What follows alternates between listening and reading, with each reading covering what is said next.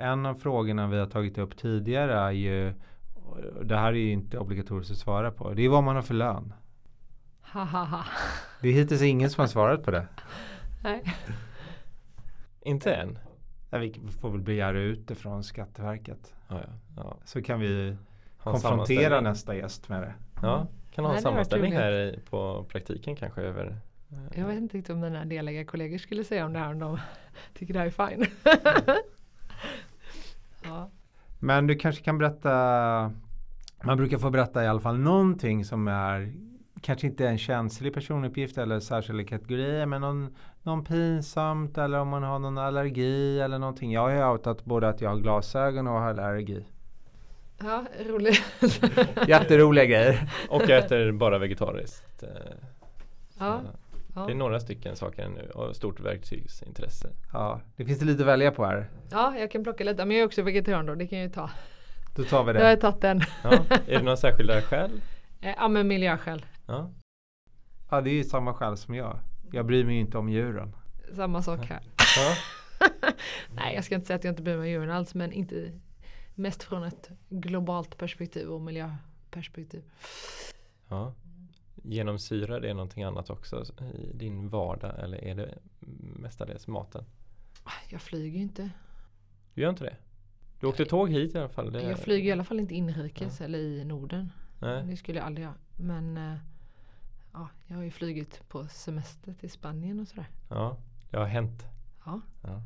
Men har, har du börjat fundera i de banorna? För det har jag gjort. Jag har ju lagt om ganska mycket saker på grund av miljöskäl. Att jag har ju lagt ett flygförbud på hela min familj. Um, och uh, äter vegetariskt. Vi har valt att i sommar åka bil istället för att flyga. Vilket i alla fall är lite bättre. Vi borde åka tåg. Men eh, det blev för komplicerat just den här gången. Mm. Nej men jag är ungefär på samma nivå. Det har väl varit, ja men vi ska hyra en liten stuga i Danmark, det är det vi ska göra. Och sen ska vi vara i Sverige. Eh, så att absolut, det, det påverkar. Och det är väl ja, men lite så här hur man köper, vad man köper för mat, eh, hur man transporterar sig. Eh, ja, att man åker kollektivt, att man åker buss. Hade det bara handlat om pengarna hade jag till exempel tagit en taxi hit från centralen. Men det gör jag inte för att jag tycker det är enklare att sätta sig på en, liksom ett pendeltåg eller tunnelbana som ändå går. Alltså, Mm. Men tror du att det kommer komma en Greta inom dataskydd som verkligen en person som på något sätt får en enorm förändring att sätta igång? Vi börjar ju se lite grann kan jag tycka Mm. tendenser med Facebook, med Google att, mm. och att det skrivs även i mainstream media nu, liksom DN, vi hade New York Times. Mm. Men att det skulle vara en enskild person som på något sätt får Men det hade varit kul och det hade varit kul om det var någon liksom mer så här som drev det från ett liksom rättighetsperspektiv. Vi hade ju. Schrems. Ja vi hade Schrems precis. Men, och jag har ju försökt lite, alltså i, när det var som, som liksom, mm, värst att göra i våras, då var det ganska många som ringde mig och ville ha hjälp eh, som var privatpersoner. Mm. Eh, och eh, vi tar inte privatpersoner på Delphi, vi jobbar bara med företag. Och jag hade svårt att hitta någon att hänvisa till. Jag vet, jag la upp på både LinkedIn och Twitter, liksom, finns det ingen som är duktig på dataskyddsfrågor som jobbar med privatpersoner? Och de enda som liksom anmälde sitt intresse var ju sådana som egentligen inte alls var duktiga på det utan det var liksom några som svarade så här, jo men jag kan ta det. Och så kollar man på hemsidan och så jobbar de allt från liksom, ja, typ all juridik. Eh, och, och det känns ju inte trovärdigt. Så jag hittade faktiskt ingen som jag kände så här, wow den här personen har liksom skrivit på sin hemsida eller på sitt företags hemsida att jag jobbar liksom med Ja, I alla fall som ett av kanske tre områden eller något hade, hade räckt för mig. Men liksom inte att det är någon som jobbar med allt mellan himmel och jord för det känns inte trovärdigt. Men jag tror också det kommer komma. Jag tycker man har sett eller i alla fall anat tendenser till lite så här ambulance chasing redan faktiskt. Bland, eh, inte de stora advokatbyråerna och ingen advokatbyrå egentligen, mer olika enstaka jurister. Att man, eh, man söker sin lycka i att typ försöka klämma olika företag och organisationer på pengar. Oftast felaktigt. Nej, och det känns ju inte seriöst utan det som hade varit kul hade ju varit om det var någon som gjorde det på ett seriöst sätt och liksom Mm. på, allvar och inte liksom rättshaveristperspektivet utan sakligt och korrekt. Alltså så att det blir någon ja men så här, det hade varit lite spännande med någon grupprättegång och liksom. För det finns ju några tjänster som man kan begära ut registerutdrag genom. Mm. Men de har ju redan i princip fått bakläxa av i alla fall två dataskyddsmyndigheter säger att man behöver inte ge något registerutdrag i och med att man, det är ingen säker identifiering eller autentisering heller. Nej. Nej, nej, det blir spännande att se. Och sen tror jag det finns i alla fall en bot där man har lovat att i framtiden kunna typ fila eh, stämningar på något sätt. Hur det ska fungera vet jag inte. Mm, Men det kanske är en uppmaning till alla studenter som lyssnar här och ta tag i det här vid sidan av sitt. För det det finns ju inom andra nischer. Det finns ju till exempel felparkeringsjurister. Det finns ju um, sådana som bara jobbar med eh, att försöka hitta case när det gäller då varumärkesintrång. Inte vanliga IP-jurister utan andra som försöker hitta upp sådana här eh, själva. Mm. Mm.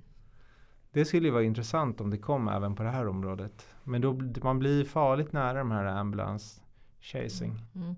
Det, det ryktas ju väldigt mycket när jag jobbar med e-handelsfrågorna. Eh, eh, då, där är ju väldigt mycket sådana myter och diskussioner som går bland e-handlare att det här är jättevanligt i Tyskland. Det är liksom många som hör av sig till mig eller till oss då som säger så här, ja ah, men ja, vi har aldrig behövt någon jurist men nu ska vi lansera i Tyskland och där har vi hört att där blir man ju kontaktad med en gång så fort man lägger upp en tysk sajt så då kommer liksom någon och anmäler en och ja, det är mycket diskussioner om det. Både då liksom GDPR men det kan även vara andra e-handelsregler som man bryter mot eller konsumentregler då. Men ska jag vara helt ärlig, jag har ju pratat lite med tyska jurister om det där och de säger att det, det är nog lite överdrivet hur vanligt det egentligen är då men Mm. förekommer gör det i alla fall på ett Mm. annat sätt än i Sverige. Men om vi pratar om vad som har förvånat mig är faktiskt Tyskland. Och mm, baksidan med Tyskland är att det är en federation. Så de kanske måste stämma av då med ett antal andra dataskyddsmyndigheter. Men att de har varit så inaktiva har förvånat mig hittills. Mm. Ja men det är sant. Det, man hade trott att det skulle vara mer, mer fall ja. Just när de varit aktiva innan. Mm. Å andra sidan vet jag i alla fall att eh, Dataskyddsmyndigheten i Hesse har ju en två års backlog redan. Mm.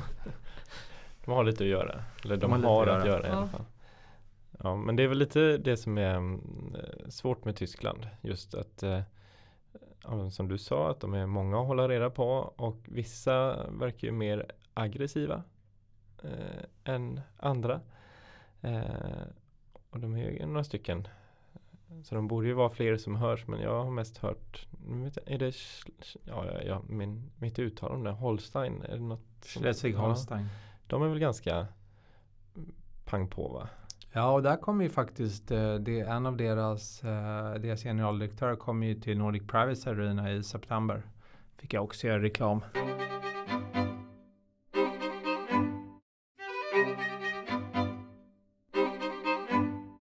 En grej som jag tänkte på, jag läste eh, lite som hastigast om finska Datainspektionen. Med, där de nu hade haft något, ja, ett case. Eh, där de tittat på eh, automatiska beslut. Där de menade på då att någon eh, ja, ägnade sig åt sådana.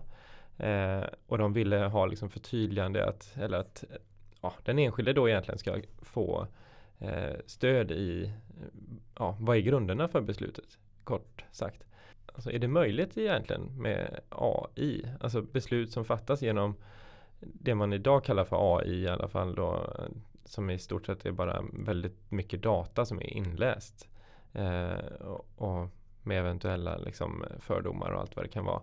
Men kan man redovisa grunderna för ett beslut som AI ja, fattat? Mm, ja, men det är ju jättespännande poäng. För frågan han där från Klarna om de vill avslöja sina hemliga algoritmer här eller inte.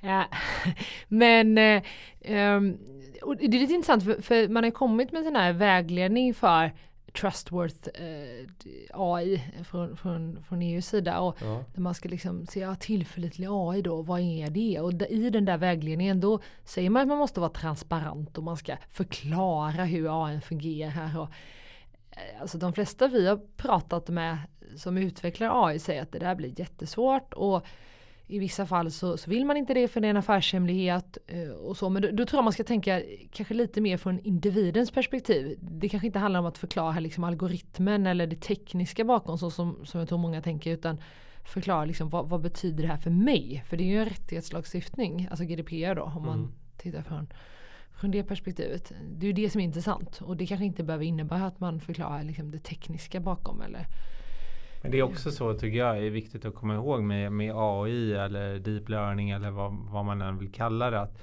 det är ju egentligen det som våra hjärnor gör men man har snabbat upp det betydligt och den kan analysera mycket mer data på kort tid.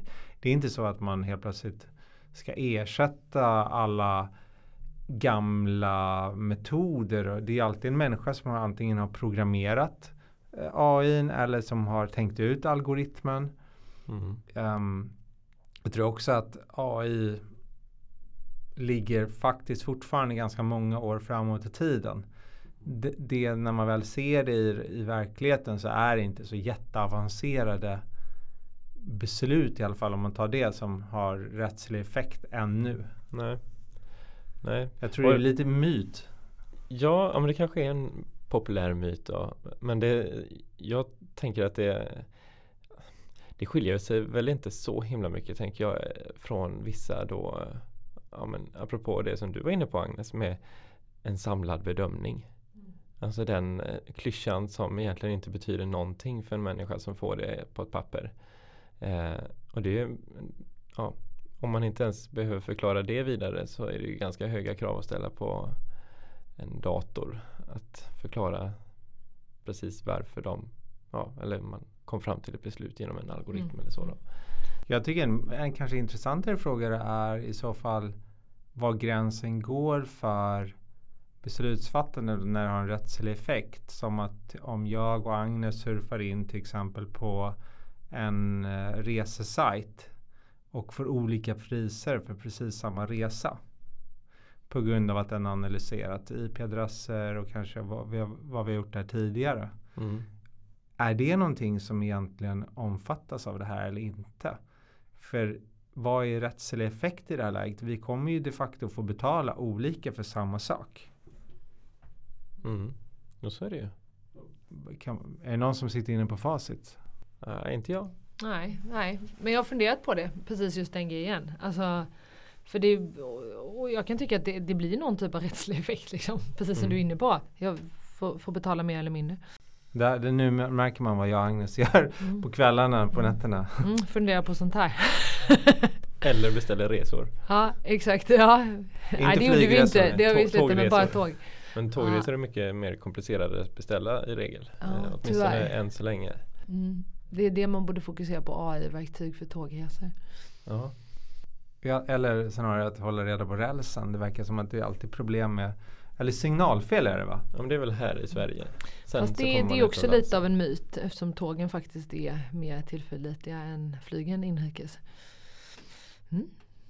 Lite reklam för Snyggt. tågbolagen här med. Ja. Är det något särskilt eh, apropå det och ännu mer reklam? Eh, eller reklam, det är lite felaktigt att säga. Det låter som att vi får ersättning för det. Men eh, ja. Den här podden kostar bara pengar. Ja. eh, men när du åker marketing mellan Stockholm, vi kan snacka om ja, När du åker mellan Stockholm och Göteborg eh, väljer, Jag vet att av egen erfarenhet att det finns åtminstone två alternativ. Är det något du föredrar? SJ eller MTR är det väl va, som kör? Eller har de lagt ner sitt? Mm, ja men de kör också. Ja, men jag åker ju faktiskt SJ. Det är så tråkigt svar men det är bara för att jag är lat och har SJ-appen. Eh, typisk konkurrensfråga för övrigt. Ja. Kan man fundera på eh, varför det är så. Men ja. Att inte SJ, att inte MTR är med i SJ-appen alltså. Ja, Nej, det är de ju inte. Mm. Då bokar man SJ. Mm, om man är lat och vill boka snabbt. Ja, och, eh, men eh, blir det ofta som du åker hit? Alltså, har, mm. du, mycket, har du mm. många uppdrag i Stockholm? Liksom, mm, ja, men jag är ganska ofta i Stockholm äh, faktiskt. Nu håller jag på att sitta med som expert i en vägledning som Svensk Handel håller på att ta fram. Så då har vi eh, kring webbdata och hur man trackas på nätet och så. Så då har vi en massa arbetsgruppsmöten om det. Och sen är det, eftersom jag jobbar mycket med retail och e-handel så är det ju många liksom, e-handels och retailbolag som har sina huvudkontor här. Och annars försöker vi ofta hänvisa liksom till de andra kontoren och sådär. Men vissa av de uppdragen blir sådär att det blir väldigt personligt att mm. det är jag som ska ta det och sådär. Och då, speciellt inom e-handel brukar det ofta bli så. Och då, det är inte så konstigt kanske om eh, Nej men nej, jag har jobbat, jobbat mycket med det. ja, precis. Nej men då har jobbat mycket med det och då blir det eh, så. Ja. Så att, har det varit mer vanliga så här, verkstadsbolag som behöver hjälp med GDPR då brukar det kanske vara ett Stockholmskontor ta det så. Men, nej, och sen är det lite andra grejer med. Lite allt möjligt. Man åker upp och hälsar på kollegorna och lite föreläsningar och sånt. Mm. Poddar. Poddar, precis. Du nämnde vägledningar där. Det är ju fortfarande, jag tycker att det är en ganska stor brist. Vi har varit inne på det tidigare i andra avsnitt. att det har kommit så få vägledningar vilket skulle vara så här, ett otroligt starkt medel för att man eh, som organisation skulle kunna säga att man följer en vägledning. Mm, mm, mm, Då kanske man inte kan bli certifierad men kan i alla fall ge ett, eh, liksom en, en viss trygghet till ja. om det är anställda eller om det är kunder eller vem det nu är. Ser du att du är på väg eller? Alltså det, ja, det har tagits fram en hel del vägledningar uh, och, och, förslag till uppförandekoder. Men det är ju få som alltså, i Sverige är det ju ingen som har godkänts av Datainspektionen ännu och det är ju ett problem. Jag vet inte exakt hur det ser ut utomlands men jag har fått intrycket av att det är likadant där. Och, och det kan ju tyckas lite konstigt att jag som advokat argumenterar för mer resurser till Datainspektionen men det handlar inte om att så här, mer böter och mer liksom, tillsynsverksamhet utan det finns massa bra grejer som Datainspektionen kan göra som innebär just sånt här att liksom, godkänna uppförandekoden man skriver. Godkänna mm. vägledningar, liksom, jobba med den typen av liksom, till, liksom, arbete som inte är ren tillsyn också. Jag tror att en, en, en, fara som jag har hört från Datainspektionen, egentligen ska de svara på det här, är att de är lite rädda för att ge vägledning för att vägledningen, om de inte stämmer över med alla andra dataskyddsmyndigheter, skulle kunna strida mot ett senare beslut som de, man fattar i ett annat ja, medlemsland. Ja, så kan det bli, absolut. Mm. Och det är klart man ska ju vara försiktig eh, givetvis eh, och eh, vad det är man skriver. Ibland skämtade vi, eller vi hade en period där vi skämtade finn fem fel på Datainspektionens hemsida i, i vår grupp och vi, vi hittade faktiskt en hel del fel. Eh, och det är klart då blir det ju problematiskt när folk har förlitat sig på det.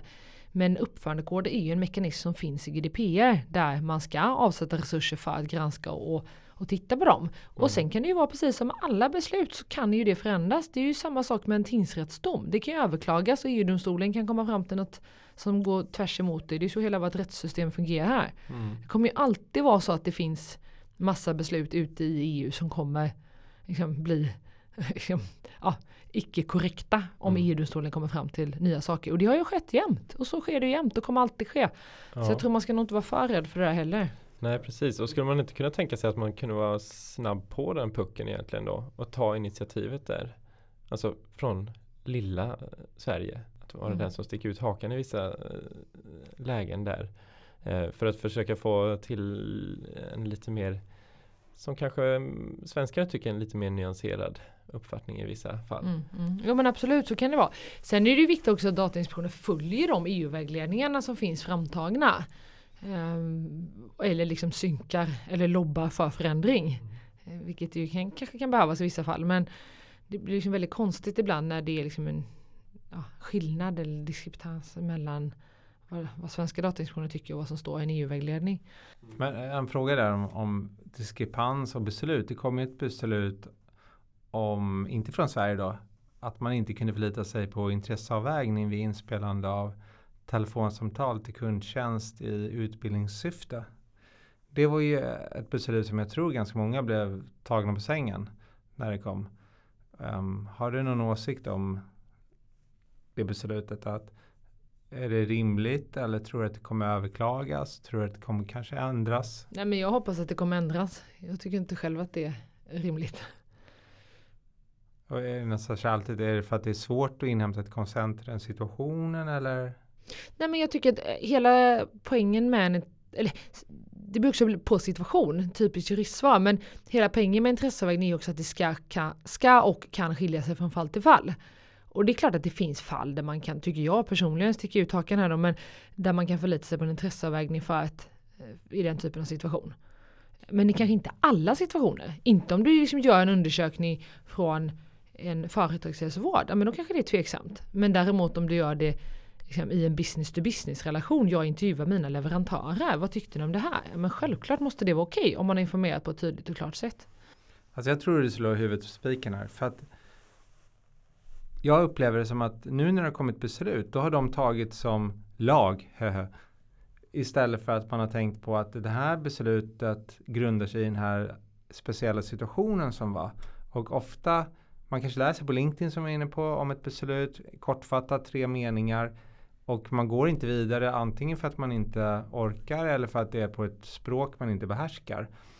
Och sen tar man det för sanning att aha, nu får man aldrig förlita sig på intresseavvägning för, för det här um, just den här situationen. Och det har kommit fler sådana beslut där jag upplever att på något sätt att alla tar det, aha, oj, nu får man inte göra så här. Mm. Men det är ju väldigt, väldigt vanligt. Och det är där vi jurister har ett extra viktigt ansvar. För vi kan, kan liksom ofta göra den bedömningen och ta liksom hänsyn till att ja, men det är en helhetsbedömning och vad är proportionellt och vad är mm. rimligt och sådär. Det beror på. Det beror på, ja men precis det finns en anledning till att vi jurister älskar att alla svara svart eller vitt.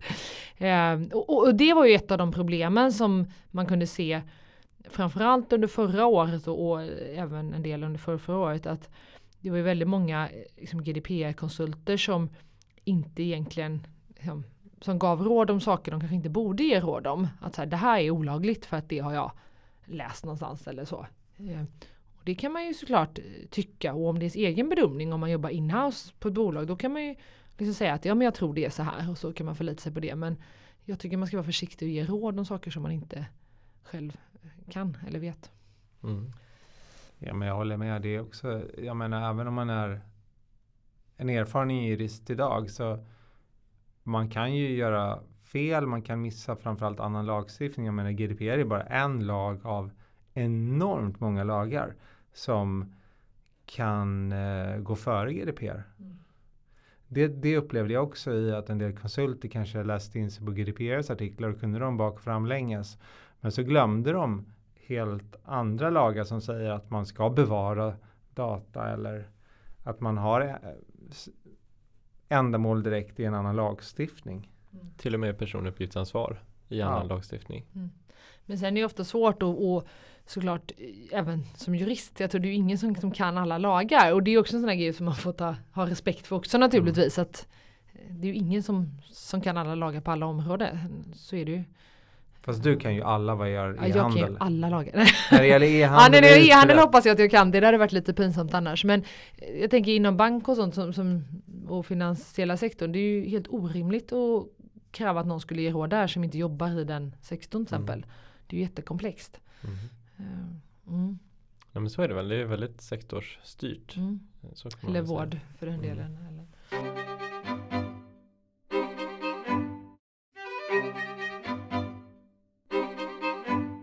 Filip var ju inne på det och avslöjade ett av våra gemensamma intressen där med verktyg. Och jag tänkte bara en helt annan fråga som inte har med dataskydd att göra. Vilket är ditt senaste inköpta verktyg? Ja, det beror på vad är ett verktyg då. Men, men sån här krafsa som man har, det är inte ett verktyg eller som man, som man använder till att rensa ogräs. Det är ingen... Är det sån med tre stycken? Ja klor. Jag vet ja. precis hur den ser ut. Ja, är det ett verktyg eller? Det tänker jag. Ja, i så fall är det en sån. Ja. ja. är du nöjd med investeringen? Ja, jag är väldigt nöjd. Jag har liksom fortfarande valkar i händerna så här efter att jag har rensat ogräs hemma. Så att... Kul. Kul med verktyg. Ja, väldigt kul. Ja. Har ni med det i varje program? Nej, det var nytt för idag. Kanske ni ska ha som en genomgående Jag tror vi kommer ha det i framtiden. Ja. Ja. Eh. Verktygspodden kan ni läsa sen när ni är klara med det här. Du anar inte vad mycket intressanta YouTube-klipp det finns, finns framförallt från USA. Och eh, de är helt fenomenala på hur de använder cirkelsågar och annat. Ja, eh, det var Magiskt. Ja. Jag tror att eh, nästan det känns som en, en, bra avrundning på dagen. Ja, men jag tror det. Ja.